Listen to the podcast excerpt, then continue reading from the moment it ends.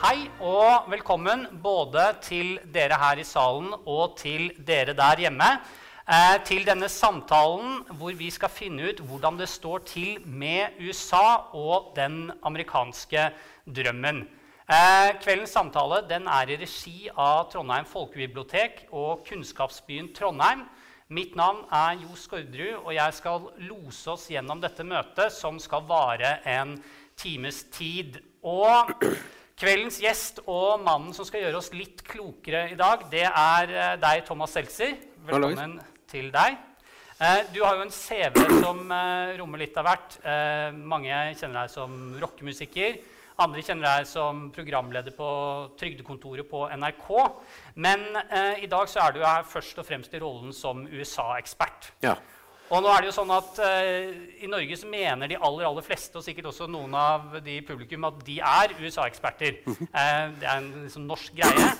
Men du er jo litt mer ekspert enn oss andre. Jeg er USA-kjenner. Det er noe USA-kjenner, ja. Det er et uh, Nei da. Men ja, jeg kan uh, mye øh, Ja, har litt Amerika i blodet, for å si det sånn. Og har Ja. Ja, fordi du er amerikansk. Ja. Faren min er fra USA. eh, Moren min er fra Løten. eh, Men flytta tidlig til USA, så hun snakker faktisk eh, engelsk uten aksent. Og mm, slår stadig over på engelsk hjemme, altså på amerikansk engelsk hjemme. Sånn, så Vi pleier å si at uh, jeg er liksom white trash dobbelt, for jeg er både hedmarking og texaner. da. Så um, det var noen som så Jeg har en bror som er større enn meg, med mer lys. Så Ser ut som sånn øh, uh, Aryan Brotherhood-fyr i fengsel. Og han uh, var noen som så oss nyklipt en gang med sånn kort i nakken, med dress. På et bryllup, og sa de at når vi så deg og broren din altså Utrolig reaksjonære kropper og reaksjonær nakke. Og når vi så dere to stå der med de eh, nakkene deres, så var, var vi ikke sikre på om det var en budeie som skulle voldtas, eller om eller om det var en øh, slave som skulle lynsjes. Så ja. Takk. øh, Det, ja. Men i tillegg til da å være en slags double eh, redneck, eh, så har du jo også laget to dokumentarserier om USA. Du laget denne i Hillary og Donalds bakgård, som kom før eh, Donald Trump vant eh, valget for fire år siden. Og nå nylig så laget du også da serien UXA, hvor du reiser rundt i USA for å finne ut hva som er igjen av den amerikanske drømmen. Eh, og gitt at kveldens tema er nettopp den amerikanske drømmen, så tenker jeg det er et veldig godt sted å starte. Eh, og da lurer jeg på Alle har nok en slags idé om dette. Men når du sier den amerikanske drømmen, og når vi sier den amerikanske drømmen, hva er det egentlig det innebærer? Hva er det vi snakker om da? Ja, det er forskjellig gradering. Du kan si at Den ene var å dra Alle, hadde, alle har jo en rik onkel i Amerika. Dra til Amerika og bli rik. Men eh, hvis vi skal operasjonalisere begrepet, som vi sier, eh, så er det jo det at man skulle komme til Amerika, og så skulle man eh, jobbe som bare det.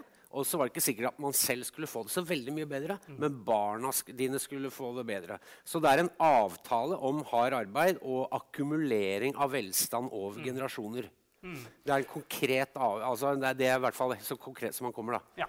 Men fordi i Norge så, så tror jeg kanskje noen opplever at liksom, eh, den der amerikanske drømmen er litt sånn, der, eh, sånn floskel om at liksom, sånn eh, rags to riches. og ikke sant, Du skal kunne jobbe hardt med det.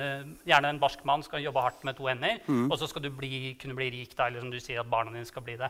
Men, men i hvilken grad er den der ideen om den amerikanske drømmen fortsatt en del av amerikansk kultur? Ja, det er veldig konkret, altså det er veldig tilstedeværende. Og det er en del av eh, altså dette med innvandring som motor eller bensin i denne enorme velstandsmaskina som Amerika er eh, fremdeles. Altså er, produktiviteten er jo som bare det, og det er frem, fremdeles verdens største økonomi. Det med innvandring komme inn der og begynne på en måte på bånn, men eh, at alle skulle komme dit og uavhengig av eh, ett og bakgrunn og de tinga som eh, bandt folka til jorda i europeiske føydalsamfunnene, så kunne du komme dit. Og det var jo Jørgen Hattemakers land på, veldig mange måter, og det glemmer jo ofte spesielt venstresidefolk i Norge. Eh, Stian Herbjørnrud eh, nei, hva heter Dag Herbjørnrud og Ja. Stian Bromark har skrevet en veldig interessant bok som heter 'Frykten for Amerika'. hvor de ser på den antiamerikanismen og avskyen for Amerika som, eh, som vi jo forbinder med liksom at det er en sånn 68-greie. ikke sant? Mm. men at de sier at det går mye lenger tilbake. Og det var egentlig overklassen og aristokratiet som hata Amerika. fordi at de våkna om morgenen at kyrne rauta ekstra høyt, og så sa de har ikke blitt melka. Og så titta de ut, og så var jo ikke husmennene der lenger. For de hadde dratt vestover Ja. til Jørgen Hattemakers rike. Um, og eh, dette her er en veldig eh, Og det henger, henger veldig igjen da, i at um, altså, når vi kom til Norge like etter at Vietnamkrigen hadde slutta, så var det et sånn ekstremt eh, an, an, veldig, veldig, veldig dyptgående antiamerikanisme. Det var jo litt spesielt for oss, for vi kom jo fra en progressiv familie. Ja, fordi Eh. faren din dro for å slippe å være med i Vietnamkrigen? Nei, nei, han, nei, han, han var, ble kalt inn mens, Ja. veldig tidlig. Men uh, det var jo sånne graderinger på hvordan du skulle komme inn. Men de, hvis du da tok høyere utdanning, så slapp du. Det var den første bølgen at dette var veldig tidlig, fra 64-65 og utover. da. Eh, men, uh, og Bestefaren min var jo da offiser i eh, amerikanske marinen, men veldig tidlig også antikrig. da, så ble ja, Det er en lang historie, men, eh, ja, så, men for å ta den um, Ja, og så Ja, du hadde noen gode spørsmål etter det. Ja, nei, men, Svarte jeg nå? Eh, Eh, ja, altså eh, Jo, det var hvor, hvor sterkt det var i den amerikanske kulturen. ja, Eh, ja, det, altså, den, lever, den lever jo fremdeles forestillingen om at mm. og, Men det, det, det ligger også noe som eh, man jo kaller strukturell vold i dette. her. Det er jo at eh, du, du, må, du må jobbe hardt. Altså, du skal jobbe hardt, og så skal det gå bra. Hvis det ikke går bra, hva da? Mm. Og nå er det og det er det som er ekstra sårt nå. For det er det ditt neste spørsmål er hva, hvordan er eh, tilstanden hvordan, ja, hvordan står det til? med amerikanske drømmen. Og den, rent statistisk så er den eh, borte, eller den er på vei vekk. For da for generasjonen til min far, som var født på 40-tallet, 90% av de fikk det faktisk bedre. Altså Du kunne komme fra Sicilia, Corleone eller fra Seltzer i Tyskland, eh, som disse kommer fra, og fikk disse etternavnene, og få, de fikk det jo bedre. Ikke sant? Eh, og den amerikanske drømmen leverte som bare det for, veldig, for flere generasjoner. Europeere, riktignok, da. Um, og, og en del asiater. Eh, men altså, ja, så var du født på 40-tallet, 90% av de fikk det økonomisk bedre enn foreldrene sine. Mens så er det en knekk ca. 1980. Er du født etter det, så er det da altså halvparten eh, Det er i hvert fall 50% sjanse for at du får det verre enn foreldrene dine. Så sånn sett er, det, er avtalen er brutt. Men den forestillingen om at hardt arbeid fremdeles eh, skal lønne seg, og, og da funker det, er der fremdeles. Sånn at det er et dobbel nedtrykking. Eller, altså, du først mister jobben, og så får du høre Å ja, har du ikke jobb? Det er din skyld. Så det er jo, denne forestillingen om å være sin egen lykkes med er, er jo veldig levende i Amerika. Eh, fordi at veldig mange jo har greid det før. Og disse rags to riches-fortellingene lever i beste velgående. Og derfor eh, eh, Så det vi ser nå, er at eh, det som Altså å jobbe hardt Hvis du jobbet hardt som bilarbeider i 1960 i Detroit, så var det takket være en sterk fagbevegelse, så hadde de jo om ikke 38 timer, de hadde ganske regulerte, korte arbeidsdager. Eh, i forhold til det de hadde hatt på 20-tallet. Og det var nok til å brødfø en familie med tre barn, eh, hjemmeværende kone og to biler. Og etter hvert kanskje til og med kunne få bygd seg et lite svømmebasseng. Altså det, var, det, det var gode tider, det var gode liv. For å ha den livsstilen i dag så må du jobbe liksom 100 timer i uka. Og Jeg så en interessant greie om The Simpsons. Ja, ja. For Simpsons kom jo på slutten av 80-tallet, tidlig 90-tallet. Og det er da Homer og Marge og de tre barna. Og han er jo da operatør på et uh, Atomkraftverk, ja. Ja, og, og ikke spesielt kompetent, ikke sant? Um, ufaglært, da, åpenbart. Uh, de, de, den livsstilen som de hadde der da, som de kunne ha på 80-tallet, da, eh, den fins ikke. Altså Simpsons, Det livet fins ikke lenger. Um, og det er det vi så på, tok utgangspunkt for i den serien. Det var det gamle barndomshjemmet mitt. Hvorfor det bare kosta noen hundre tusen kroner fra, i et veldig rikt, tidligere rikt område. Altså stålbelte som ble til rustbelte. Eh, og så er det jo eh, vi, Det er jo veldig mange måter å definere fattigdom på. Ja. Men vi så på det. Vi eh, så på det helt konkret, og det er ehm, eh, For er, alle kaller seg jo middelklasse. Det er jo idealet i USA. ikke sant? Og det, når, Altså, eh, også hvis du vi ville kalt deg fattig, da. ja, ja. eller ja, også det, men også Ja. hvis du er eh, ganske høyt betalt uh, industriarbeider eller Så vil du Ikke sant? Men Så det vi så på var altså Federal Reserve, som er nasjonalbanken i USA. Hvert tredje år så utfører de en sånn stort, veldig stor spørreundersøkelse. Og det er ikke en sånn gallup med 1000 folk. altså Det er, er 10 000-15 000. Altså veldig stort da, for å være en spørreundersøkelse. Rett og slett for å finne ut hvor mye penger folk har, og hvor mye tilgang folk har til penger. Og da spurte de folk eh, dersom det en, oppstår en krisesituasjon og du må få tak i 400 dollar eh, i kontanter, vil du da greie det i løpet av 24 timer? Og da svarte, og dette var jo i 2014-2015, eller noe sånt, og da svarte eh, seks av ti Nei, nei fire av ti svarte at nei, det får vi ikke. Og det er, veldig, det er, en form for fattigdom, tenker jeg. For at uh, en nødsituasjon i USA, f.eks. å brekke armen ja. uh, Man tenker at det er bare gipsen og så rønk, et røntgenbilde, og så er det greit. Men det, altså, det koster plutselig 10 000-15 000 dollar. Mm. Um, så var det en, men så var det en låneinstitusjon som syntes dette var veldig interessant. eller noe sånn finans eller en bank da. Så de replikerte eller hva det heter, den studien, men da spurte de folk dersom du må få tak i 1000 dollar i mm. kontanter, dvs. Si altså 8500 kroner nå, eh, I løpet av et døgn vil du greie det. Og da svarte seks av ti nei. Og da tenker jeg at da lever man, ja. da må man redefinere hva det vil si å være uh, middelklasse. For dette er folk med gode, for så vidt gode jobber. veldig mange av dem, Gode utdannelser. Um, og det er en sånn Ja, og de er helt på grensa. Ja, så Det er det begrepet prekariatet så har jeg blitt veldig glad i. Og det er på en måte da veldig mange middel... Det er ikke bare løsarbeiderne Nei. som George Orwell skrev om i den Paris- og London-boka si på 30-tallet. Men dette her er liksom eh, et uh, som lever på, bor på benker ja. og lever med løsarbeidere. Men dette er altså det som i stor grad veldig mange da ville definere seg fremdeles som middelklasse. Um, og, um, så dette er en, det er en form for fattigdom, eller i hvert fall en form for økonomisk stress, da, ja. som ligner veldig på fattigdom. Det er ikke Biafra-barn med store mager. Og, og, de har TV-er, og de har biler. Men det vi så som enkelte steder i sørstaten, så ser du, eller i Ruspelt, så koster jo da pickup-trucken er mer verdt enn hjemmet. Ikke sant. Så, ja. Jeg tror vi trygt kan si at uh, den, uh, den, amerikanske drømmen står det relativt uh, dårlig til med akkurat nå. Og det svarer kanskje på i hvert fall en indikasjon på svar på det neste spørsmålet. fordi vi har jo nett nettopp begynt å venne oss til at USA har en president som ikke liksom, starter mm. dagen med å tweete om eh, meksikanske voldtektsmenn og, og annet galskap mm. som Twitter må liksom sitte og sjekke om er, mm. kan vi la dette her slippe igjen. For han ble, ble så hekta, ja. så savner han allerede. altså, så, men, for et rush. Ja. Men for, fire, for fire, drøye fire år siden så ble altså Donald Trump en uh, utrolig ubehøvlet eh, drittsekk og reality-stjerne. Det tror jeg man kan si uten, uh, uten uh, Og en veldig atypisk fyr òg, hvis ja. du ser nøye på ham. Altså, han er jo ikke den John Wayne-mask altså, uh, Idealmennesket til amerikansk høyreside er, er the rugged individualist. Ja. Altså, det er jo pioneren, nybr nybrotts... altså det er sånn Isak ja. Sellandrå-type. Ja, men, men, han er veldig, sånn som du ser på faktene, veldig feminin.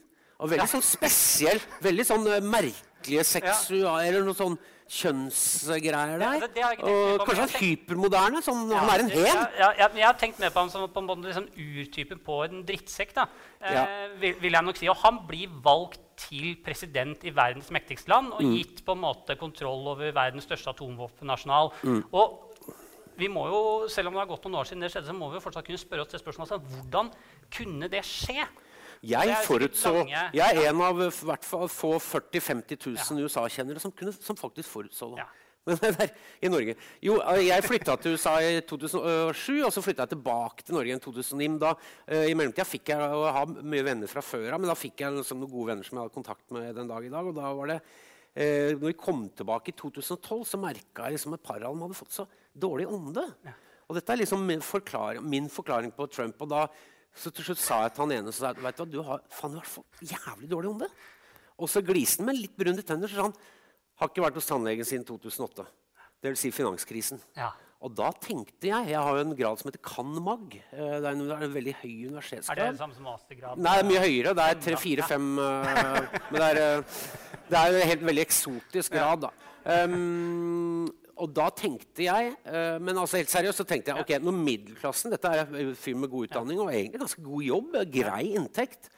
Uh, når, for, når, middelklassen i, uh, i verdens mektigste land når middelklassen, når de, deres tenner begynner å råtne, råtne, så kommer det til å få veldig negative følger. også sånn, Helt sånn geopolitisk, tenkte jeg da. I et uh, moment ja. of clarity, som ja. man kaller det i alkoholikerbehandlingen. Men du, du, så altså I det så så du på en måte Da tenkte du altså, Ja, dette kommer ikke til å gå bra. Her, her, kommer folk til å begynne å se etter noen løsninger.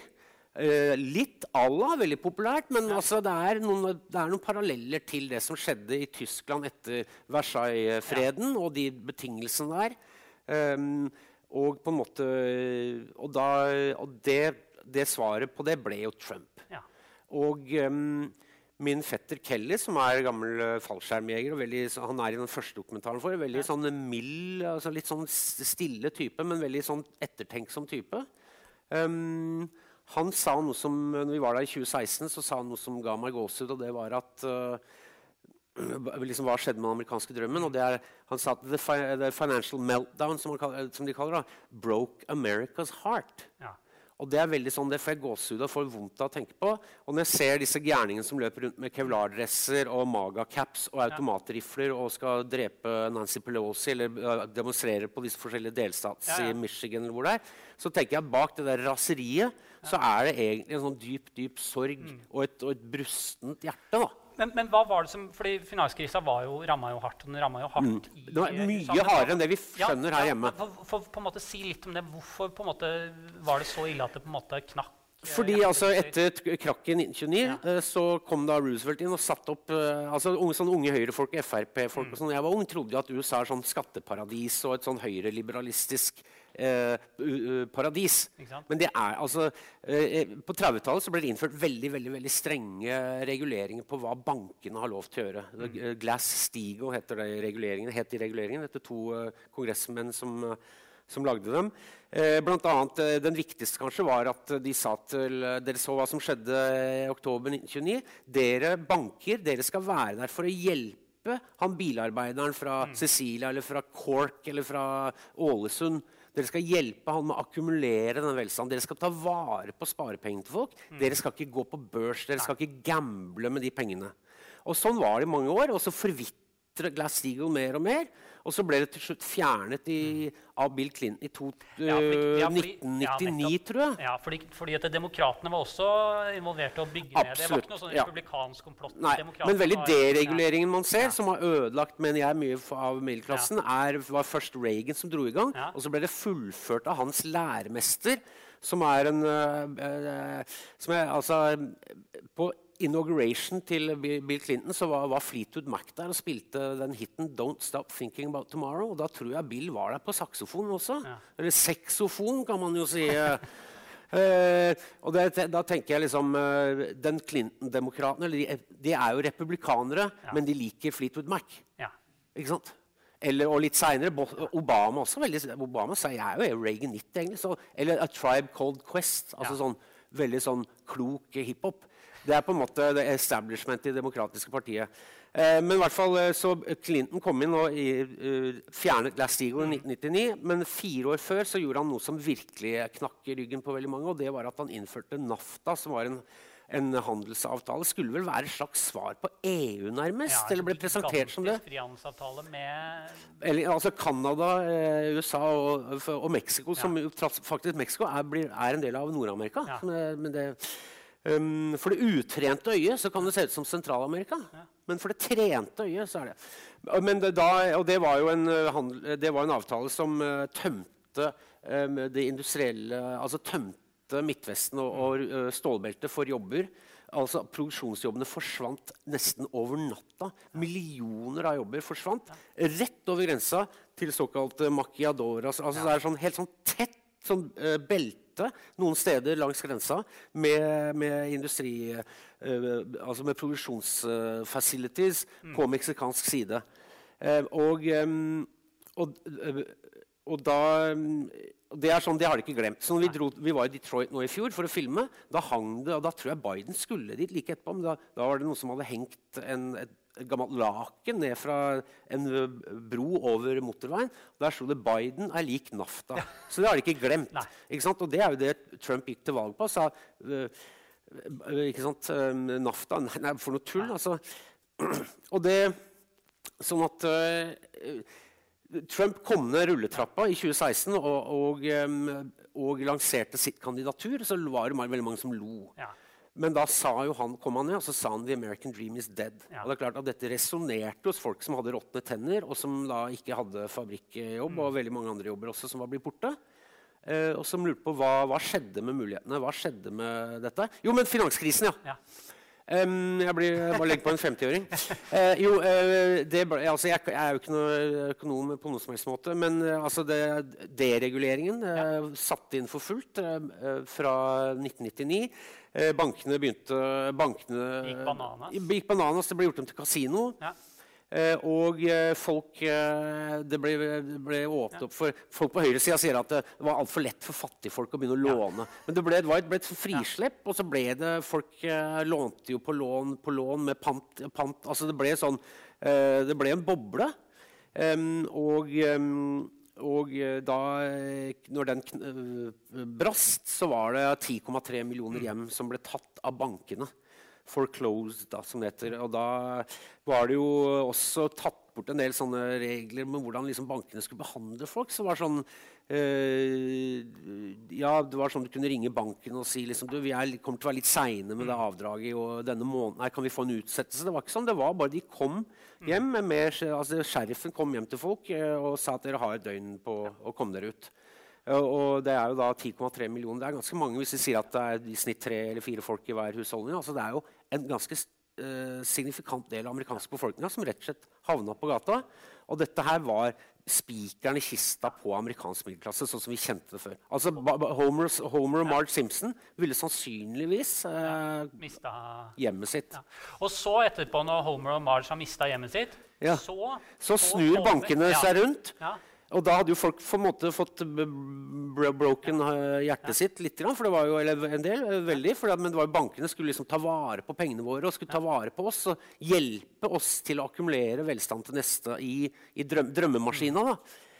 Um, og så snur bankene seg rundt og tar på seg sånn strieskjorte og så sier de med sånn skranglekopp så sier de til uh, regjeringa Dette var rett i overgangen fra Bush til Obama. Så begge de på administrasjonen var på en måte med på dette, for det var jo en, en krise. Og de sa at vi må Det er finanskrise.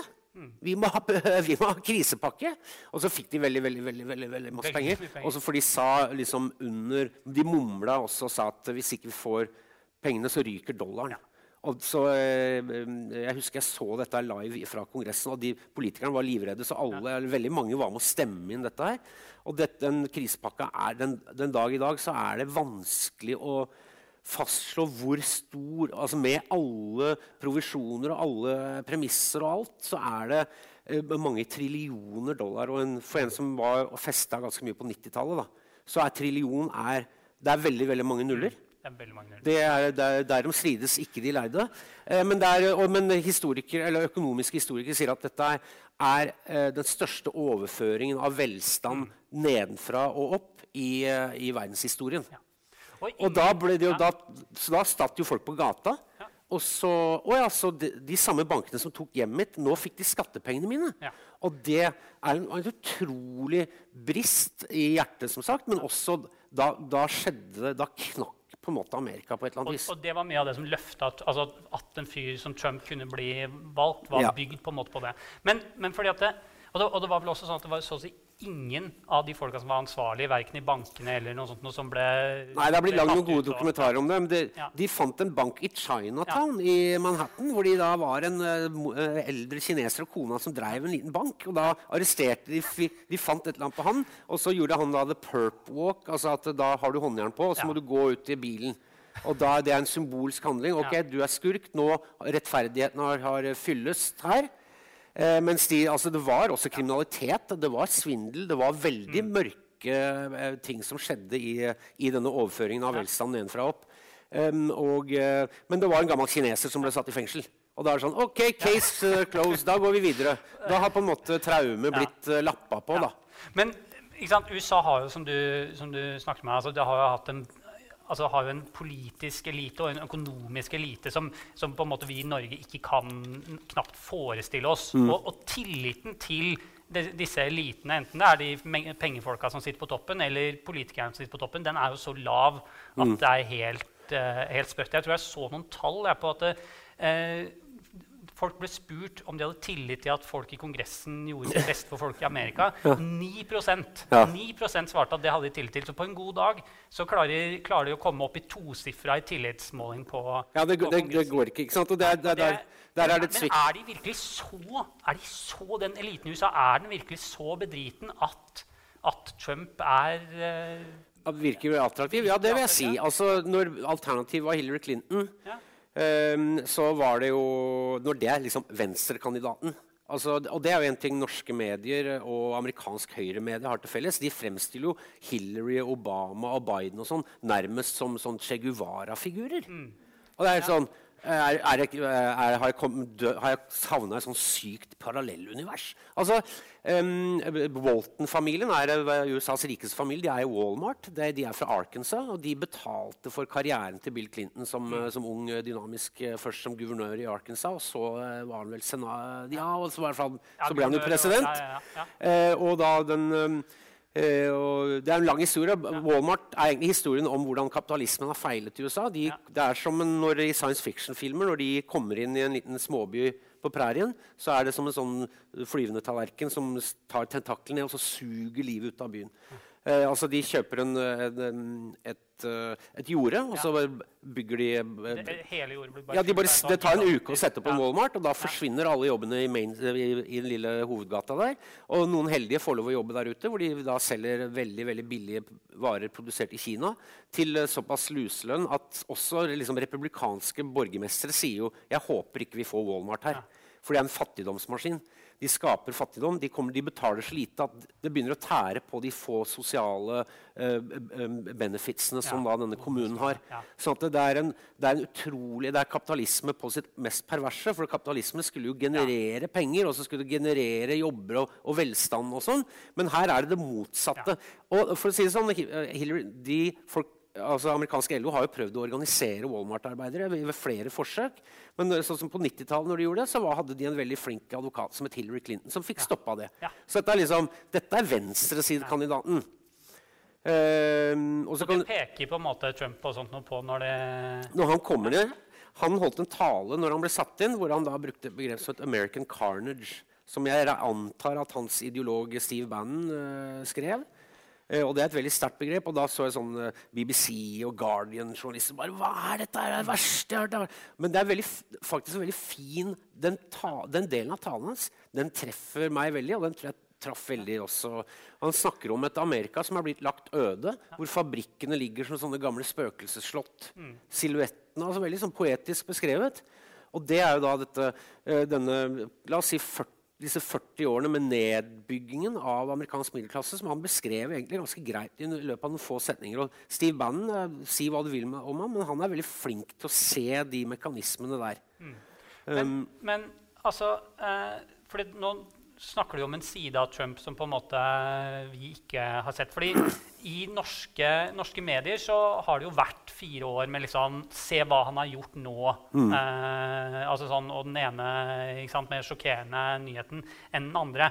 Men i den serien din, mm. de folka som du møter, og slektninger som du møter, og folk som eh, ihuga Trump-tilhengere, de gir på en måte et helt annet bilde enn, av Trump enn det vi eh, har fått se her hjemme. Mm. Så da lurer jeg på, er det, finnes det på en måte en versjon av Trump som vi som har fulgt det gjennom norske medier eller liksom liberale medier, ikke får se? Eller ser de det samme Trumpen som Og så liker de det. Ja, altså det er vanskelig. Trump er jævlig komplekst. Uh, takk for meg.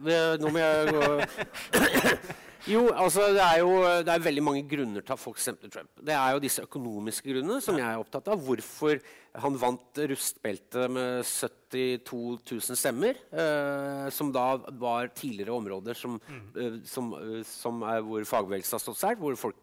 Og der er tette bånd til demokratene. Uh, og det er de på en måte jeg er interessert i. Sånn som kusina mi Kim, som hadde stemt Obama i 2008 uh, var desillusjonert i 2012, og så stemmer Trump i 2016. Og har, som man ser i serien, har ganske begrensa tilfang av uh, info. Ja. Det er hun og svigerinna ja. og svigermora sitter, og røyker, sitter og røyker mentol og, Og, og, snakker om eh, liksom, nå har, Og blander sammen Jeffrey Epstein. Nå har, nå har Chelsea Clinton vært på Sexøya. Det er jo en sånn sammensmørje der. Men det er, det er, jo, det er jo disse tillitsbruddene. Altså er der, Trump er et resultat av disse tillitsbruddene, bl.a. med media. Hvorfor skal man ikke mm. tro Når Trump kommer ut og sier fake news, mm. så er det veldig mange, ikke bare sånn konspifolk, men altså høyst oppegående amerikanere som sier ja, men media ljuger, de. Mm. For, fordi ikke minst den andre store påla av en uh, tragedie i vår uh, nyere tid, nemlig Irak-krigen. Uh, der var det veldig polarisert media fram til det. Ja. Det hadde allerede begynt, Men da så samlet de seg på rørende vis om både høyre og venstre, altså både CNN og Fox og MSNB og Fox, samlet seg om et Dette er liksom det store, ja. siste amerikanske fellesløftet. Det var Irak-invasjonen. Som jo da beviselig eh, var eh, på, tatt på noe feilaktig grunnlag med disse eh, masseødeleggelsesvåpnene til Saddam Hussein. Hvor da forsvars, forsvarssjef Colin Powell kom ut og sa liksom kremten at vi, vi fikk litt dårlig intel. Ja.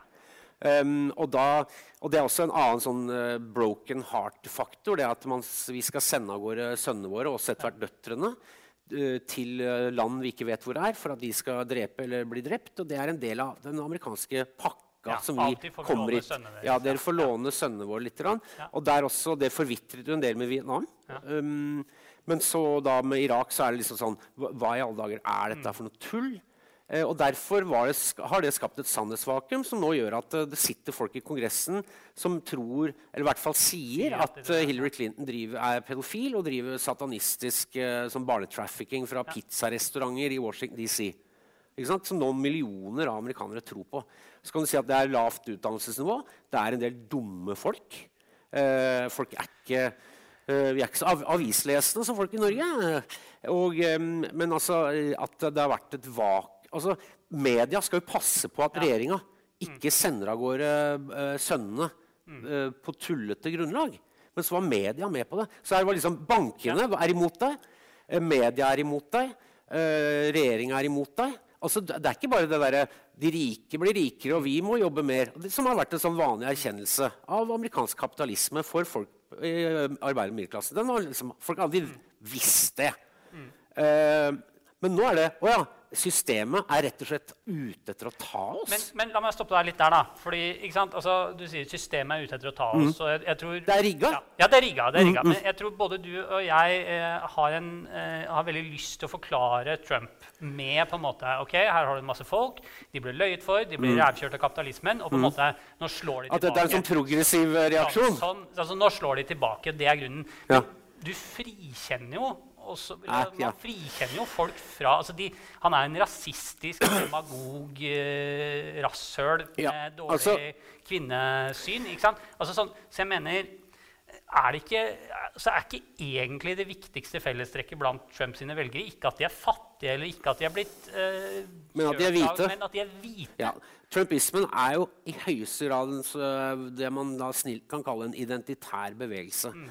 Og det har også vært så mye sånn der, Den ser vi jo gjengitt både på høyre og venstre side. liksom der, uh, Arbeiderklasserevolten som ligger i Trump, som er sånn delvis sant, sånn som i de områdene som ble truffet av NAFTA. og Det, det er de tinga jeg er interessert i. Um, men også um, men altså, den gjennomsnittlige Trump-velger mm. er den samme som gjennomsnittlige uh, Bush-Cheney-velger. Mm. og Gjennomsnittlige altså, gjennomsnittlige Trump-velger er en gjennomsnittlig republikaner som er en mann, hvit, med egentlig ganske god utdanning ja. og egentlig ganske god inntekt. Ja, altså, det er polo, det er dette er poloskjortefolk, ja. ikke folk som kjører pickup mm. med sånn trucker cap.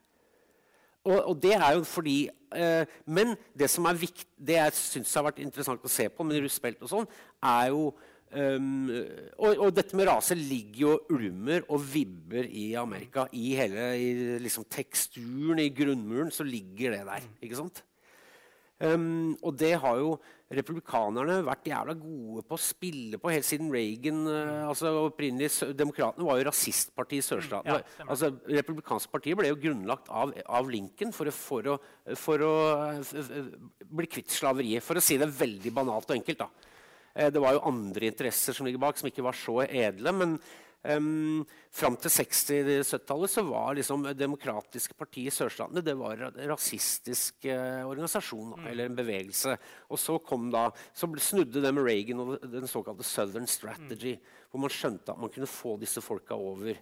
Eh, også ja, motvillige, altså, motvillige fordi Lyndon B. Johnson, som var demokratisk eh, texaner selv, som innførte en del eh, gode Som fikk fjernet de siste i hvert fall formelle apartheidlovene og sånne ting. Og det var veldig sånn hat mot demokratene nord. Altså, det er en lang historie. Men altså, det er en identitær bevegelse, og så er det jo da Eh, en eh, eldre Det er en alder... Jeg holdt på å si alderfisering, men det heter vel el, el, eldring? Aldring? Ja, aldring, ja. Um, av, det, av, eh, de republikanske velgerne blir jo eldre nå. De er hvite, blir eldre. Ja. Og så er jo da den såkalte the great replacement. Altså at vi, uh, visse, visse, når Uh, altså vi ekte amerikanere, dvs. Si hvite, hvite vi blir erstatta av, av, brune. Ja. Ikke sant? Uh, og latinos og ja, forskjellige pigmenter, sjatteringer. da. Um, og, um, og det har også vært for eksempel, jeg mener, legitim frykt for det. Altså Jimmy Carter, etter påtrykk fra, fra amerikansk LO, begynte faktisk skulle, altså nå, Vi må begynne å bygge en mur. fordi det er umulig å opprettholde uh, tariffavtaler og sånn, fordi det er så mye illegal innvandring. Og så kom det da en veldig karismatisk eh, tidligere guvernør i California og tidligere skuespiller som sa vi bygger da ikke mur mellom venner. Og det var Ronald Reagan. Og det han egentlig sa, var jo at vi bygger ikke mur mellom penger og penger. Nei, um, og, eh, fordi at uh, altså Carter og uh, amerikansk LO skulle da hindre det som vi i dag kaller for sosial dumping. Og da skjedde det også noe med at USA gikk fra et sted hvor innvandringen er liksom bensina, til at innvandringen altså de som kom for to eller tre generasjoner siden, har alltid vært fiendtlige, delvis fiendtlig innstilt til de nye som kommer rett, fra rett uh, off the boat. Men så har det skjedd noe med at de kom jo til et Tidligere bølger av innvandrere kom jo til land hvor man ble integrert og fikk være med på. Man begynte på bånn, og så ble barna dine tatt inn. Eh, og da, med det, med, men samtidig som dette skjedde, så knuste jo Reagan også fagbevegelsen ja. med den fly, flyvelederstreiken. Så da mista man jo disse eh, mekanismene som innlemmet folk i velstandstidevannet. Ja, ikke sant? Det, streikeretten ble bare ja, ikke sant? Og, så derfor, Det er en veldig sånn ond mekanisme hvor da streikeretten, organisasjonsgraden, sank. Og hvis du ser på de, eh, de, to grafene med organisasjonsgrad og fordeling av velstand til middelklassen, mm. så ligger de helt likt. Eh, fra 1970 og til i dag, eller 1975 til i dag. Da. Eh, og han Piketty er så opptatt av de to grafene, vet jeg. Um, men, uh, altså, og det er liksom det jeg syns er mest kynisk og kvalmt på en måte med, med, dette spillet til Trump. Altså, Obama ble jo kalt for El Deportador. i han veldig upopulær i veldig mye latinomiljøer, for han deporterte masse folk. Altså millioner av illegale. Uh, men det jeg føler med Trump, er sånn Hvis du Eh, sånn som vi var i Storm Lake i Iowa, kjøttby, kjøttindustriens hjerte. Altså, det var sikkert 2500 folk som jobbet på dette enorme kjøttpakkeriet eller slakteriet. Mm. Og det var ingen, vi så ikke et hvitt, vi var der ved vaktskiftet. Vi så ikke et eneste hvitt fjes. Og så spurte vi han lokale redaktøren, avisredaktøren hva er, eh, hvor mange illegale er i den byen her? Altså, nei, det er kanskje 60-70% av befolkninga i byen. Ja. Ok, Hvor mange illegale er det som jobber på Tyson? Ja, det er godt over 90 ja. Og så sier vi liksom Hva ville skjedd hvis vi hadde ringt til ICE? Altså den der fryktede antiimmigrasjonspolitiet på en måte som Trump bygde opp som en slags sånn SS eller Gestapo. da. Hva skjer hvis vi ringer ICE? Så jeg tenkte liksom uh, Vet ikke ICE om dette her? Det de, jo, de veit det. De vet. Og det er, Dette er det dobbeltspillet. Altså, er du republikansk velstående mann og eier f.eks. en kleshengerfabrikk i New Mexico eller i Arizona eller Sør-California eller Texas, så er det veldig store sjanser for at du er republikaner. Du donerer penger til et parti som bruker veldig ilsk, eh, for å si det snilt, anti-innvandringsretorikk. Men på fabrikkene så jobber det bare brune mennesker som er illegalt i landet. Så jeg tenkte, Istedenfor denne muren så kunne vi f.eks. begynt å å straffe, altså kriminelt forfølge bedriftseiere som ansetter illegale innvandrere, det er ikke aktuelt. Nei, Så dette her får man både denne svære, enorme underklassen med millioner av folk som jobber, lever som slaver, rett og slett. Eh, og så kan du også selge politikk til, mm. til, det, til, de, til, de, fattige hvite ved å si Se på de folka fra El Salvador. Ikke sant? Så du får jo pose og sekk. da. Ja. Du får både men- høyrepolitikk men- og, og slave. Og du får gjort eh, både neglene dine Jeg har vært og tatt sånn pedi? Pedikyr. pedikyr. pedikyr Ja. på føttene. Og da er det alltid vietnamesiske damer. Som, da, så jeg hadde jo Jeg vil si av norsk medias peneste føtter. Eller hadde en stund, da. Men, eh, og det sånn, Da føler jeg meg virkelig som Da er jeg hvit mann. Ja. Men da, da, jeg får både det og eh, ja.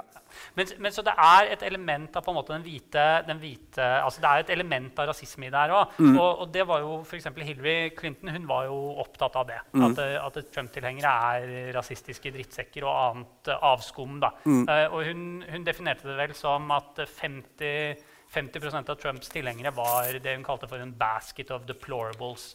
Ymse avarter av drit. Da. Ja, ja, Men ja. hvor, men hvor, hvor langt unna Hvor mange prosent? Altså, hvor, Altså det, er- da sier du jo egentlig at stor del av befolkninga er uh, søppel, søppelfolk. Ja. Men um, altså Ja, ikke sant? Og dette er liksom Dette blir jo uh, Om hun har rett eller ikke, så blir dette oppfattet La oss si av den andre halvparten. da. La oss si hun har rett, da. Men den andre halvparten føler jo at uh, What the fuck? Og vi var i en sånn gruveby i West Virginia og vi møtte borgermesteren. Og han hadde en T-skjorte hvor det sto 'deplorable'. Men han var demokrat. Ja.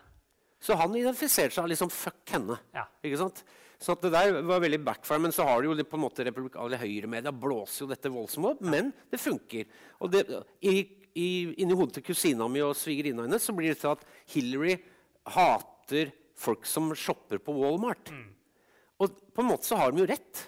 Ikke sant? Altså, det, er jo en, det er jo en klasse Sånn derre mm.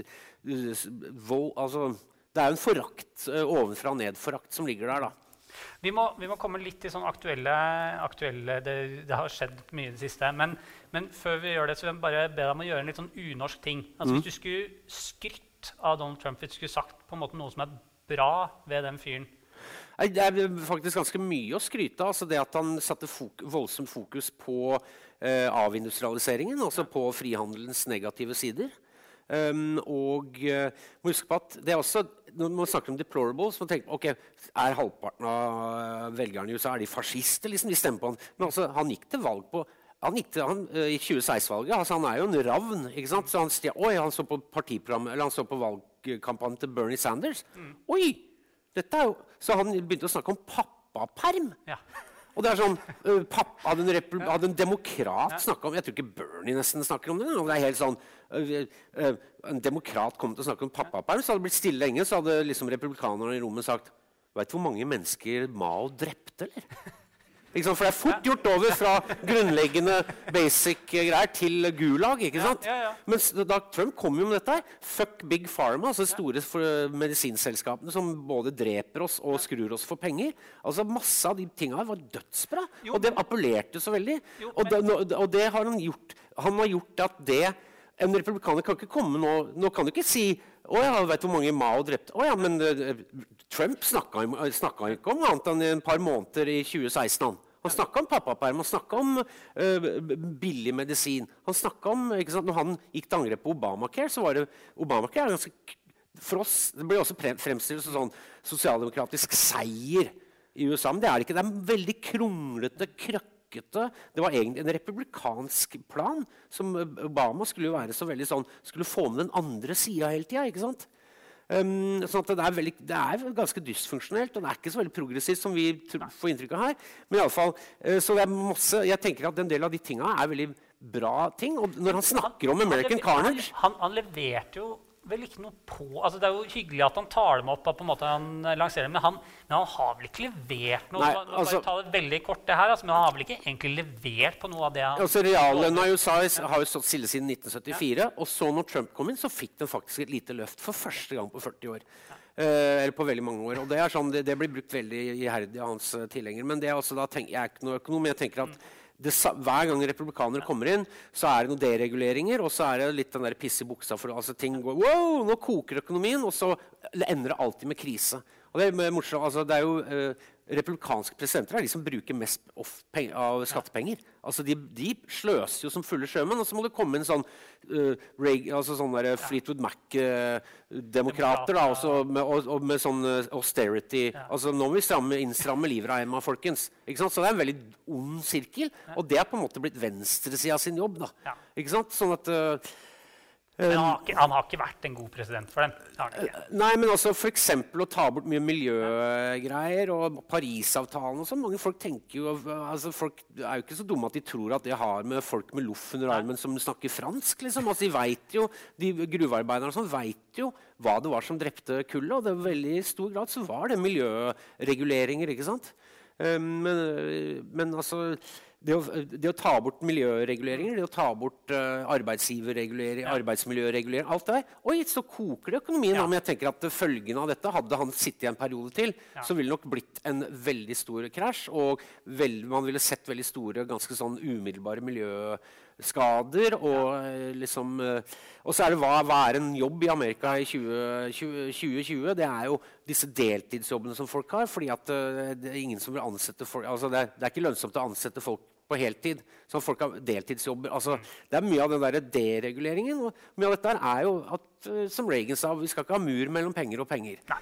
Men han vant jo ikke eh, et valg til. Eh, og vi må, snakke, vi må, snakke, litt om det. For han, han vant jo ikke valget. Mm. Og så fulgte jo et slags sånn absurd rettslig skuespill hvor, han saksøkte, eller hvor de saksøkte alle mulige og bare fant på ting om millioner av stemmer. Mm. Og så kulminerte det i denne stormingen ja. av Capital da, den 6. januar, var, var det vel? eller når det var. Mm. Men altså, hva i all verden var det som skjedde der? Hva tror du Trump altså, håpet å oppnå eh, Jeg tror ikke det var et kuppforsøk. Ja. Men jeg tror han ville, han, hans ego er rigga, så han ja. bare La oss se hva folka mine får til. Oi!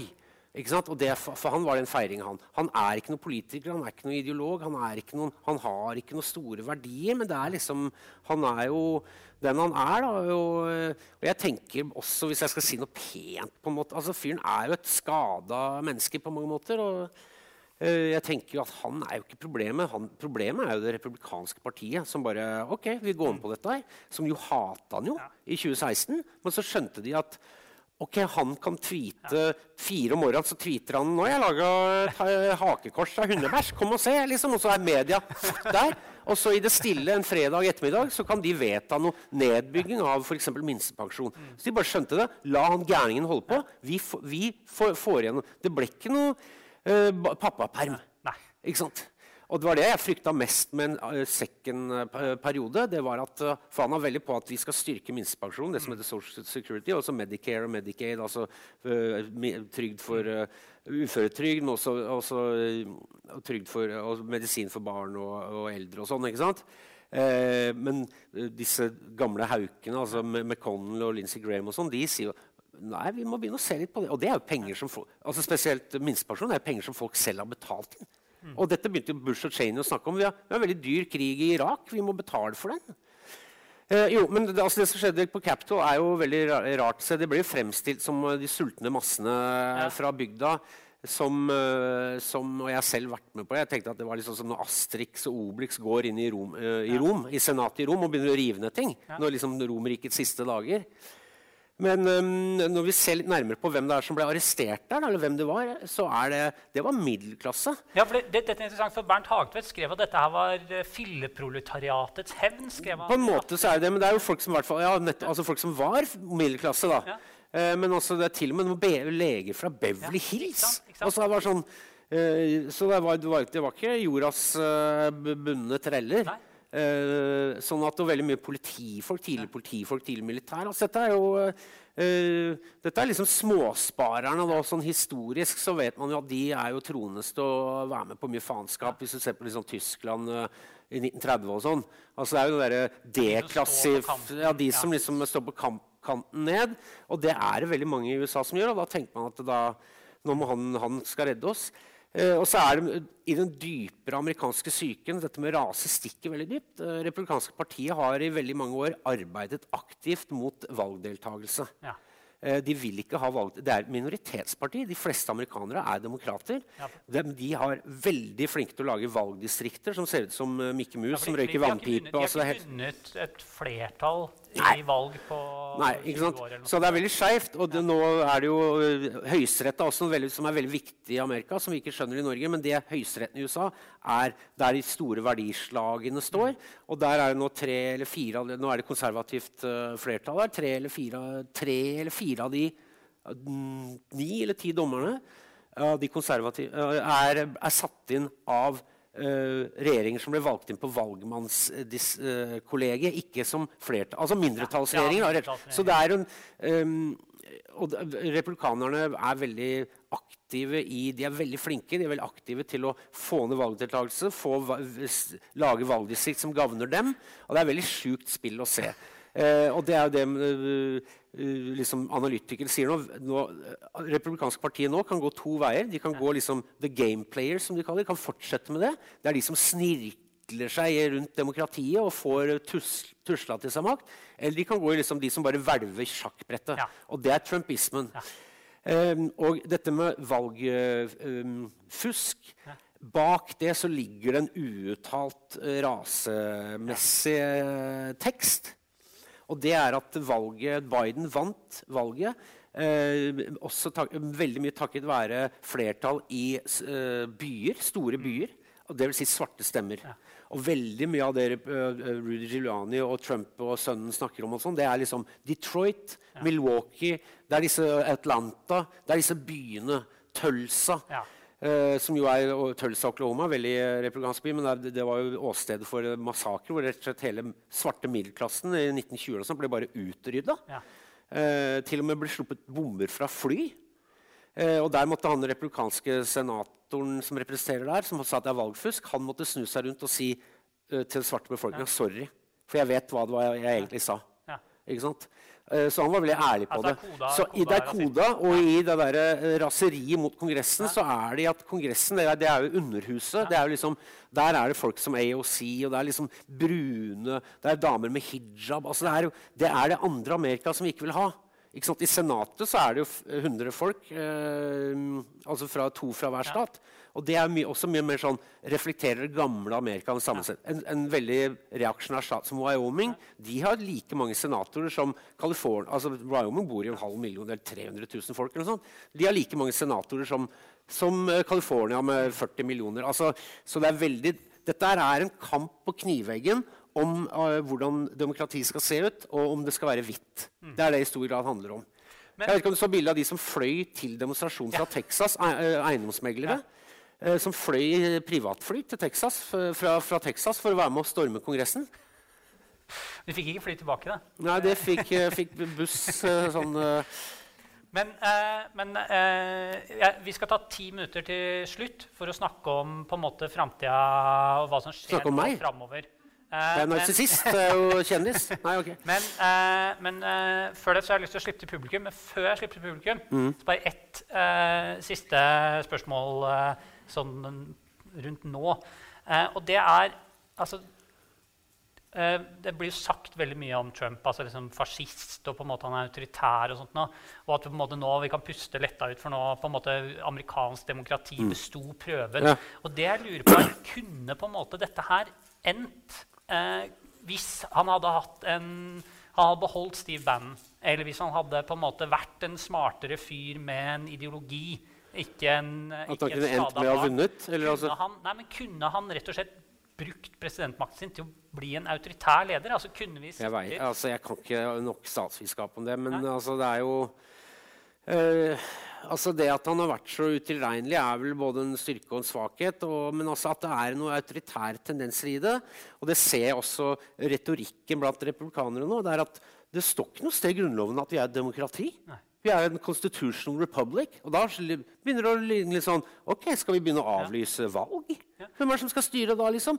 Ja, det kan vi ordne seinere. Ja, så sånn, selv etter at de tapte valget, og det ble veldig tydelig at de tapte valget, så var det jo fortsatt 120 republikanske kongressfolk mm. som var villige til å underkjenne millioner av stemmer, mm. og, som de visste som de Altså, vi vet altså, altså Josh, Josh uh, Hawley, som han heter, han verste, verste av disse folka, av disse kongressmennene, han sier jo sjøl at jeg tror, jeg, Han har vel sagt jeg mener å ha sett at han sier at jeg, jeg tror ikke så mye på det valgfuskgreiene selv, men velgerne mine gjør det, så jeg må representere dem. Ja. Så det er ganske sjukt sånn dobbeltspill. Ja. Men fordi, mener, hvis du liksom er, er, klar til å, liksom, fall, til å brenne sekker med stemmesedler, da, mm. eh, som du veit er ekte, ja, da er det jo på en måte det, Den veien er jo måte, Da er du på vei mot uh, Altså, det er jo et triks. Det er masse, altså, han, uh, guvernøren han, han uh, Guvernøren vel i, som vant så vidt i Georgia, altså mot Stacey Abrams, vant så vidt. han, hva er det han heter? Han er jo dømt, eller altså erkjent skyldig på en måte, av i, i fire eller fem forskjellige rettssaker for å drive med sånn valgtusking. Ja. Så dette er, de, dette er, et fag for republikanerne. ikke det, så det at det, det, hver, en, hver borger sin stemme, og det skal veie like tungt sånn, De prinsippene har de forlatt for lenge siden. Det er ikke aktuelt. Nei. Og det er jo et etterskinn av måte, at plantasjeeierne skal tross alt bestemme. Ja. Eh, da tenker jeg vi kan åpne for uh, ta ti minutter med spørsmål fra salen. rett og slett. Er det noen som har noen spørsmål? Jeg tror vi svarte på alt. Eller på en måte vi, vi, er, vi er utrolig frampå der. Der ser vi et spørsmål. Gidder du bare komme litt nærmere, og så skal du få lov til å ta ned munnbindet akkurat når du stiller spørsmålet? ja, vi har sånn ja. facial recognition ja. sånn. software som kinesiske. Vi, er, vi, jobber jo for um, kinesisk kommunistparti. Uh, nei, Marx sa jo um, uh, at um, uh, Historia skjer først som Historia skjer først som tragedie, også som farse. Mm. Um, men jeg tror at USA kan vokse til å bli jeg, altså, Trump var ikke en fascist, mm. tenker jeg. Mm. Uh, men tror det er fordi han ikke veit hva det er. ja. uh, men tror at fascismen kan vokse fram i USA? Mm. Jeg sier nesten igjen. Eh, ja, det tror jeg absolutt kan skje. Og jeg tenker at det er det veldig mye av det vi ser, så på Capitol, og vi så uh, han Timothy Snyder, han historikeren, er jo veldig opptatt av dette her, og hvordan eh, ting skjer ganske gra... Altså, du merker, det skjer veldig fort, men du merker ikke, og så plutselig så er det jo uh, Ikke sant? Jeg, jeg ser jo liksom hvordan eh, kritikere også på høyresida har sagt at altså, Trump det, er, det, han driver med, er et jævla mørkt spill, og dette kan gå galt. Og det kommer til å gå galt. Og da ble det liksom ledd av, og det er alarmist. Og du er, men så skjedde det på Capitol, og det er jo helt sjukt. Og det er bare det å se rettssaken jeg satt og så på, eller jeg så på riksrettssaken i går, og det er sånn altså Hadde dette vært Obama i 2012 som hadde tapt mot uh, Romney, og så hadde han liksom 30 000 svarte muslimer utafor Capitol, så hadde han 'Ta vi dem, liksom! Altså, jeg tror ikke det hadde vært Ja, det er en, det er en liten bisetning her ja. som sier at det er greit. Det, det er jo ytringsfrihet i dette ja. landet. Altså, det er helt klart. Og når du ser hvordan han prima velgerne ja. lang tid forveien på at om jeg taper nå i, i november nå, 2020, ja. så er det fusk. Han begynte å snakke om han, poststemmene et halvt år før valget. eller noe sånt nå. Ja, men man, man støtter poststemmer i stater hvor det er Florida, hvor det er mye eldre republikanere som kvier seg for å gå ut pga. korona. Så der poststemmer akkurat i Florida er megatrygt. Uh, sånn at det er jo bare Og han stemmer selv via post. Jeg stemmer via post. Stort sett alle i, i Forsvaret som er stasjonert på disse utro, utrolig mange basene rundt omkring i dette imperiet rundt om i verden, stemmer via post. Så dette er litt sånn, det er bare bullshit. Ja. ikke sant? Men jeg tenker også at fascisme hva er han heter for Chris Hedges. Det er en uh, veldig uh, gammel prest for øvrig, som er uh, som venstreside nærmest litt rabulist. Men han er veldig opptatt av det å si at det kommer en revolusjon i USA. Den kommer fra høyre. Mm. en som jeg er veldig glad var, altså en som heter Jim Goad, som er veldig langt på høyresida nå, som jeg intervjuet i serien. som en slags, Redneck, ja. ja, Redneck Manifesto. Altså, den boka er kjempekul. Den kom ja. i 1996. Har veldig sånn klasse, hardt klasseperspektiv. og der sier han også han tegna på en måte trumpismen som eh, da allerede og sa at det kommer til å skje ting i USA. Mm. Det kommer ikke til å være sånn revolusjon som dere liker. Mm. Men, men, og nå så vi også hvordan var revolusjonen, at nå på en måte nei, var den feila? Det vi ser nå, er konsolideringen av f.eks. Eh, i Michigan. Veldig mye eh, militiabevegelse der. Eh, hvordan da republikanske delstatspolitikere som for et halvt års tid siden sa bare sånn hold de, Ikke kom inn her med de jævla våpnene deres. Hold dere unna. Oppfør dere. Mm. De er nå og griller sammen med de gutta og har fått på seg, later som liksom, har fått på seg camocapsen.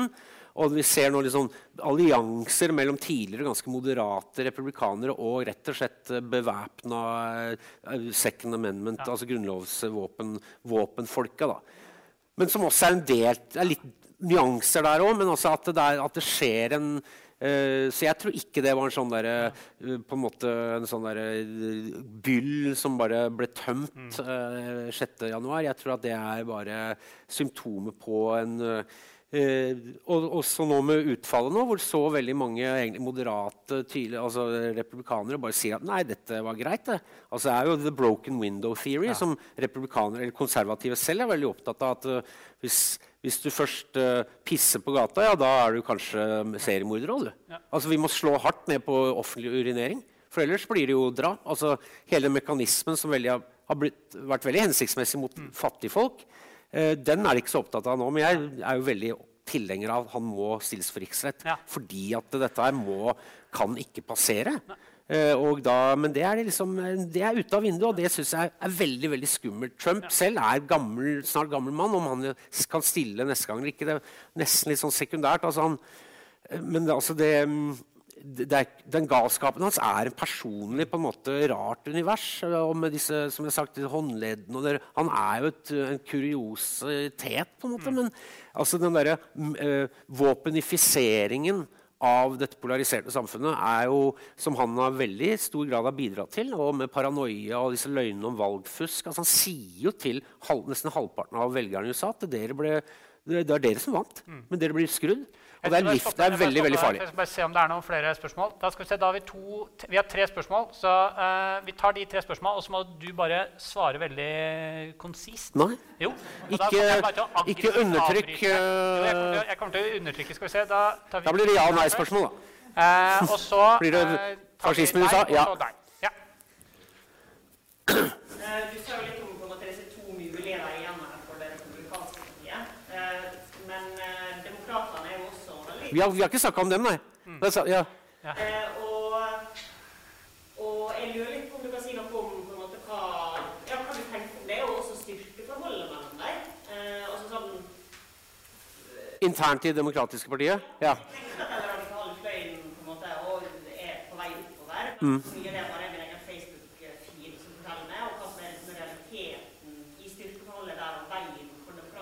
Mm. Utmerket. Konsist svar på det. Ja, nei, det, Biden er, tilhører da, disse Fleetwood Mac-republikanerne i høyeste ja. grad. er representaten Delaware, som er da kredittkortselskapene registrerer seg der, for det er slags Liberia, og de har betalt for karrieren hans. Han er langt ute på høyresida. Og det, de, altså den der bølgen som Bernie skapte, den ble, liksom, den ble gjort om nå til bare en, en, folkeavstemning. Den ble dratt inn i det som skjedde nå i november. Det var bare en folkeavstemning om Trump. Så det er masse folk som ikke liker og også i, propagandaen fra republikanerne så var det at nå kommer disse The Squad, nå kommer AOC og hun med hijaben og disse marx, brune marxistene. De styrer Trump. Nei, de styrer Biden som sånn puppet. da. Det er jo hele, det er jo hele greia. Og Camilla Harris, se på henne! Se på liksom. Hun er jo liksom dypt hata av veldig mange svarte, blant annet, for at hun var så beinhard når hun var uh, uh, ja, ikke sant, når hun var um, aktor. Sånn at um, men altså den eh, delingen altså, Men så, så, vidt jeg kan se nå, så er liksom hele den venstrefløyen, som har vært veldig høyprofilert, det er bare skjøvet helt ut på sida. Eh, og så er det da at han fyller kabinettet med litt sånn brunhuda folk der. Det tenker jeg virker som strategien til Biden. er at uh, Du bare tar inn noe du, du, får det mye mer fargerikt, det er mye mer kvinner og det er mye mer diverse. Mm. Og da ser det ut som Se, se her. Ja. Men det de kjører, er Fleetwood Mac-republikanisme. Ja. Uh, og, det jo, uh, og, det er veldig synd, men det er jo et resultat av denne identitetspolitikken som har vært på en måte veldig svekkende for, for um, demokratene, sånn som jeg ser det. da. Uh, og det er, det er, en fyr som heter Mark Lilla, som uh, er fra Detroit, historiker, tror jeg, som har snakka mye om det, hvorfor, altså hvorfor demokratene har blitt så, liksom, så spilt seg selv ut på sidelinja. Ja. Men du, du, jeg skal bare, holde, kort, jeg skal ja. holde deg litt på mm. for Hun spurte om liksom, hvordan ser du for deg på en måte maktkampen internt i demokratene. Er det noen sjanse for at på en måte Bernie og The Squad og de kan på en måte Uh, Nei, jeg tror, altså, jeg tror, det har blitt spilt ganske langt ut på sidelinja. Ja. Men samtidig så har det skjedd en bare sånn som Det at Trump snakker om pappaperm altså Det er ting nå som virkelig ligger Den store tunga i vektskåla er jo Medicare for altså helse, gratis helse til alle. Det er jo det Bernie sier. det var det, ikke sant? Og det ville jo ikke, uh, Du så jo under nominasjonskampen Biden ville ikke forplikte seg til det. Veldig mange av disse andre uh, ville jo ikke det. Han derre Buttigieg og sånn. Ja, de ville jo ikke forplikte seg til det, for det er jo et kodeord, et signal. ok, Da blir det Gulag og sosialisme og sånn. Eh, og så er det også et veldig stort og dyrt prosjekt, ja. så det har jo en, en enorme kostnader. Men den, altså Medicare for det blir ikke, han skal, han skal tilby en slags opprustning av Obamacare. Ja. Og så har det vært veldig dette med minstelønn, 15 dollar timen ja. for, for hele, føderalt for hele USA, har vært en veldig sentral kamp for de nederste i fagbevegelsen. Altså McDonald's-arbeidere og, og Amazon-arbeidere.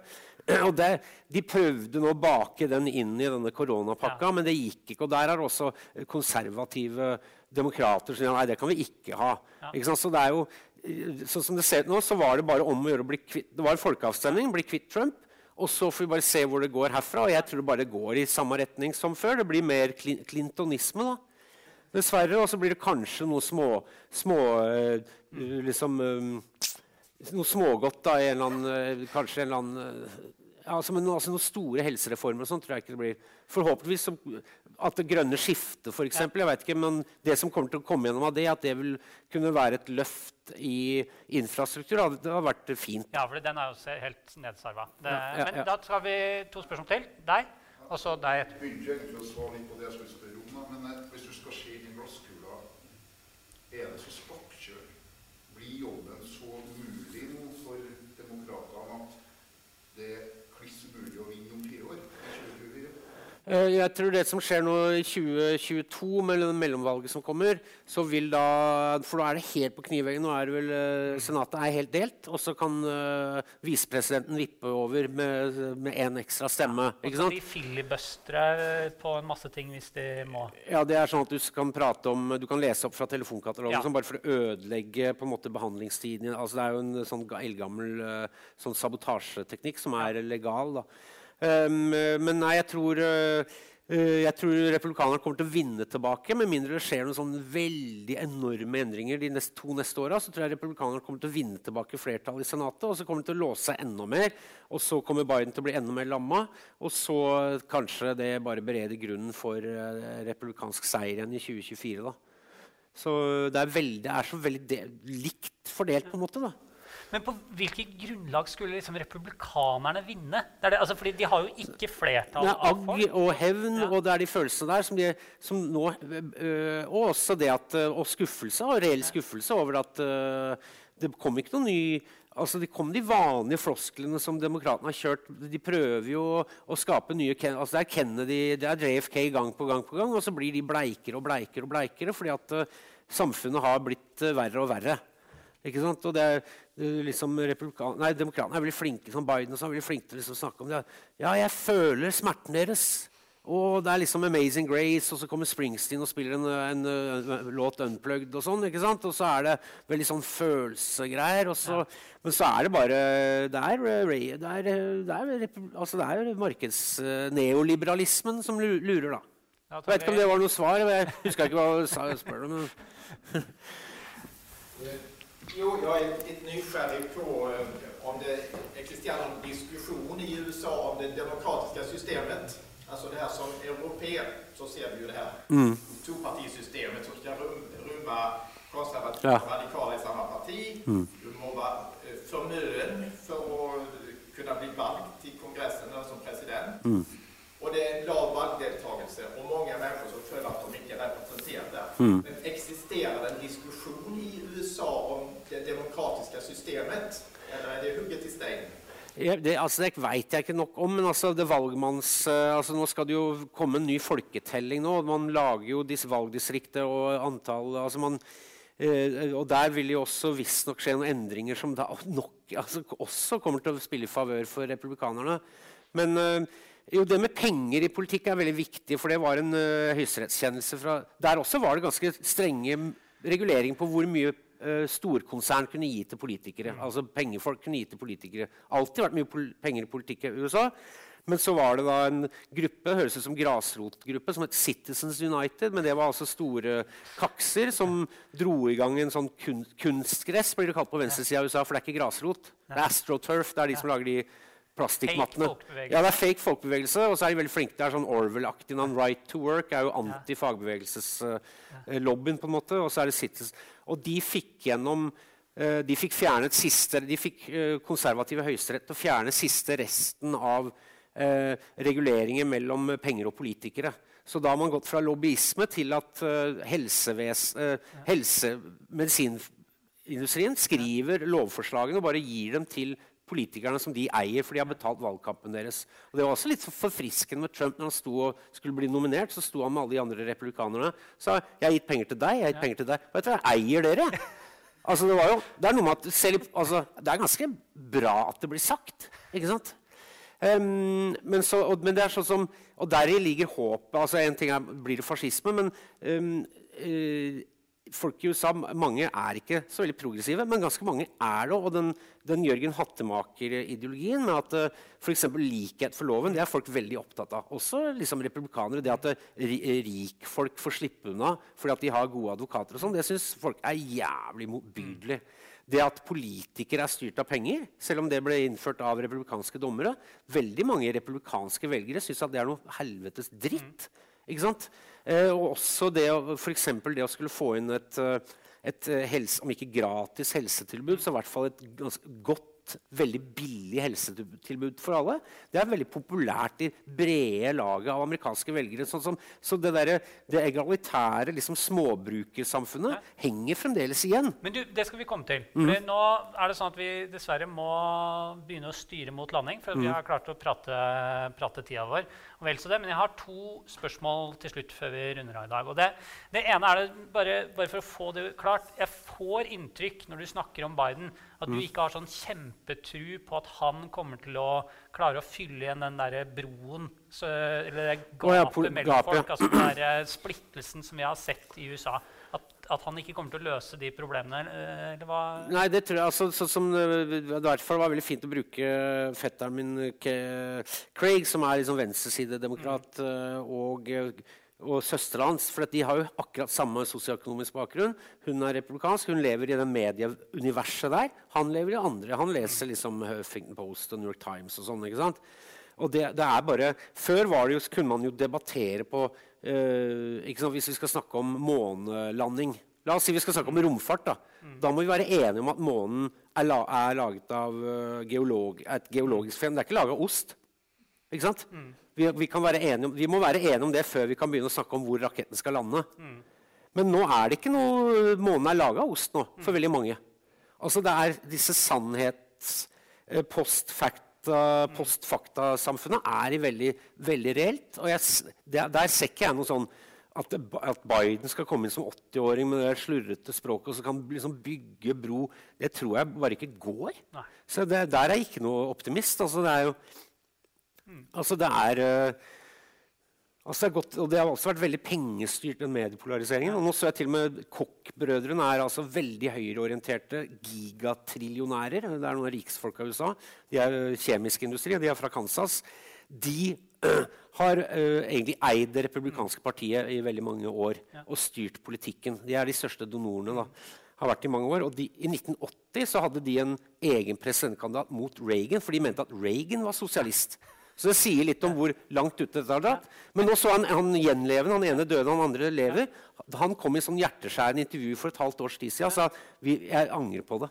Vi polariserte, vi ødela Amerika.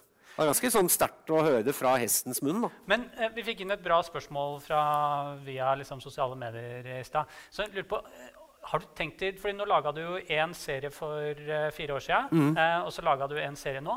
Har du tenkt å lage liksom en, uh, en tredje serie hvor du sjekker, drar tilbake til slektningene dine? Det skal bli holdt på til 2040. Da har jeg, sånn, da er jeg valraffa så mye at jeg har lagt på meg. Skal, jeg skal gli inn, så da er jeg veldig overvektig, og så kjører jeg i sånn trygde sånn elbil og sånn. Do you feel polarized? Nei, vi skal lage en serie til om USA. men... Og da skal det egentlig handle om um, Det er litt tidlig å avsløre, ja. men uh, Um, du kan få dem til å klippe det ut. Da. Vi kan klippe det ut. Nei, Det skal handle litt om det virkelighets, uh, litt av det vi snakka om på slutten. her, altså Virkelighetskollisjonene. Uh, og det sannhetsvakuumet som har oppstått i det der, uh, ekstremt altså det kommersielt drevne polariseringen. Da. Men du, eh, det, det gleder jeg meg til å se. Men jeg vil bare, for Vi må runde av, men jeg har lyst til å avslutte på en litt sånn håpefull, eh, håpefull tone. Det gjør så ofte, syns jeg. Eh, fordi du skrev en artikkel som jeg bare kom over her om dagen, i forbindelse med den UXA-serien, hvor du lanserte en slags plan for hva som må til for eh, å redde USA, eller, eller reparere USA. da. Ja. Og hvor du, hvor du da, det var liksom en slags sånn populistisk visjon. Jo, nei, det var ikke ja, Det er jo um, altså Robert Putnam, han Harvard-professoren som intervjua, snakka om dette. Han sa at det, har vært uh, Ulikheten i USA nå er jo såpass grotesk, men det var en like stor ulikhet på 1890-tallet. Uh, og da oppsto det en folkebevegelse som dro i retning av, uh, av mer likhet. Også med republikanere. Og da kom Teddy Roosevelt, som jo bl.a. innføre altså, videre, altså high school. Det var helt sånn utenkelig, men det fikk de igjen. Altså, dette med, med, dette, med loka, lokalsamfunn som bygde seg opp, ikke sant? og man ikke stolte på Og så kom denne populisme. Populisme er jo et skjellsord, Ja. men det var det ikke. Og det var et tredjeparti som ble lansert av præriebønder i Kansas, som var et sosialdemokratisk parti. Det var ganske sånn uh, progressive også når det gjaldt rase, f.eks. Eh, og de, eh, det, det var på begynnelsen av 1900-tallet, eh, nei, det var på 1890-tallet. Og det var en respons mot da, eliten på kysten som eide jernbanen, som styrte kornprisene, som styr, altså disse oligarkene. Ja. Eh, og det var liksom Putnam sitt håp om at det, vi må gå i den retninga der igjen. Han mener at det går i sånne pendel, eller går i sånne bølgedaler, det med uh, egofokus og, og samfunnsfokus. At det har gått som sånne nesten automatiske Eller det har vært en mekanikk i det. da. Um, men da, jeg, så jeg bare syns det er interessant med, med den populistbevegelsen, som var veldig eh, bra. Og at det ligger på en måte i præriejorda, den, den likhetstanken. og at folk ikke, At ikke alle skal tjene like mye penger, for eksempel, men at uh, også fattige unger skal ha bra skoler, sånn at de kan få en sjanse. De, de tinga der som du også finner hos folk på høyresida av USA. ikke sant? Men tror du det er noe håp for at man kommer til å se det i, i nær framtid? Jeg veit ikke. Det er, mm, eh, vi får se. Det er kanskje Får håpe det er noe sånn metafysisk i det Putnam. Jeg har ikke lest boka ennå, men han er veldig fornøyd med den boka. um, om hvordan de pendlene liksom skal jeg, vet, jeg tenker at jeg er litt eh, pessimist, for jeg tenker at de på, på 1890-tallet så hadde man jo disse Det var liksom én sannhet man sloss inni. Men nå som sannhetene er så langt fra hverandre, så ser jeg liksom ikke det Det er der liksom den store bøygen ligger. Det, det er veldig truende. da. Så, ja. Da tror jeg rett og slett jeg sier tusen takk til deg, eh, Thomas eh, Seltzer, for for en veldig interessant uh, samtale. Og Det er mer, vi kan snakke mer eh, ja, vi, vi, må, vi må bare ta flere av disse. Du bor jo i Trondheim? gjør du ikke Jo, jeg bor ja, men da bare opp en, eh, setter opp en sånn serie, så Jeg er på det konditoriet på altså Rosenborg bakeri på Byåsen butikksenter hver eh, torsdag og snakker om eh, Men da sier jeg tusen takk til deg, Thomas Seltzer, og tusen takk til eh, dere som eh, var her i dag. Og tusen takk til alle hjemme på vegne av Trondheim folkebibliotek og Kunnskapsbyen Trondheim. Det var veldig spennende, og så håper jeg vi får snakka mer om det en annen gang. Takk for i kveld, alle sammen.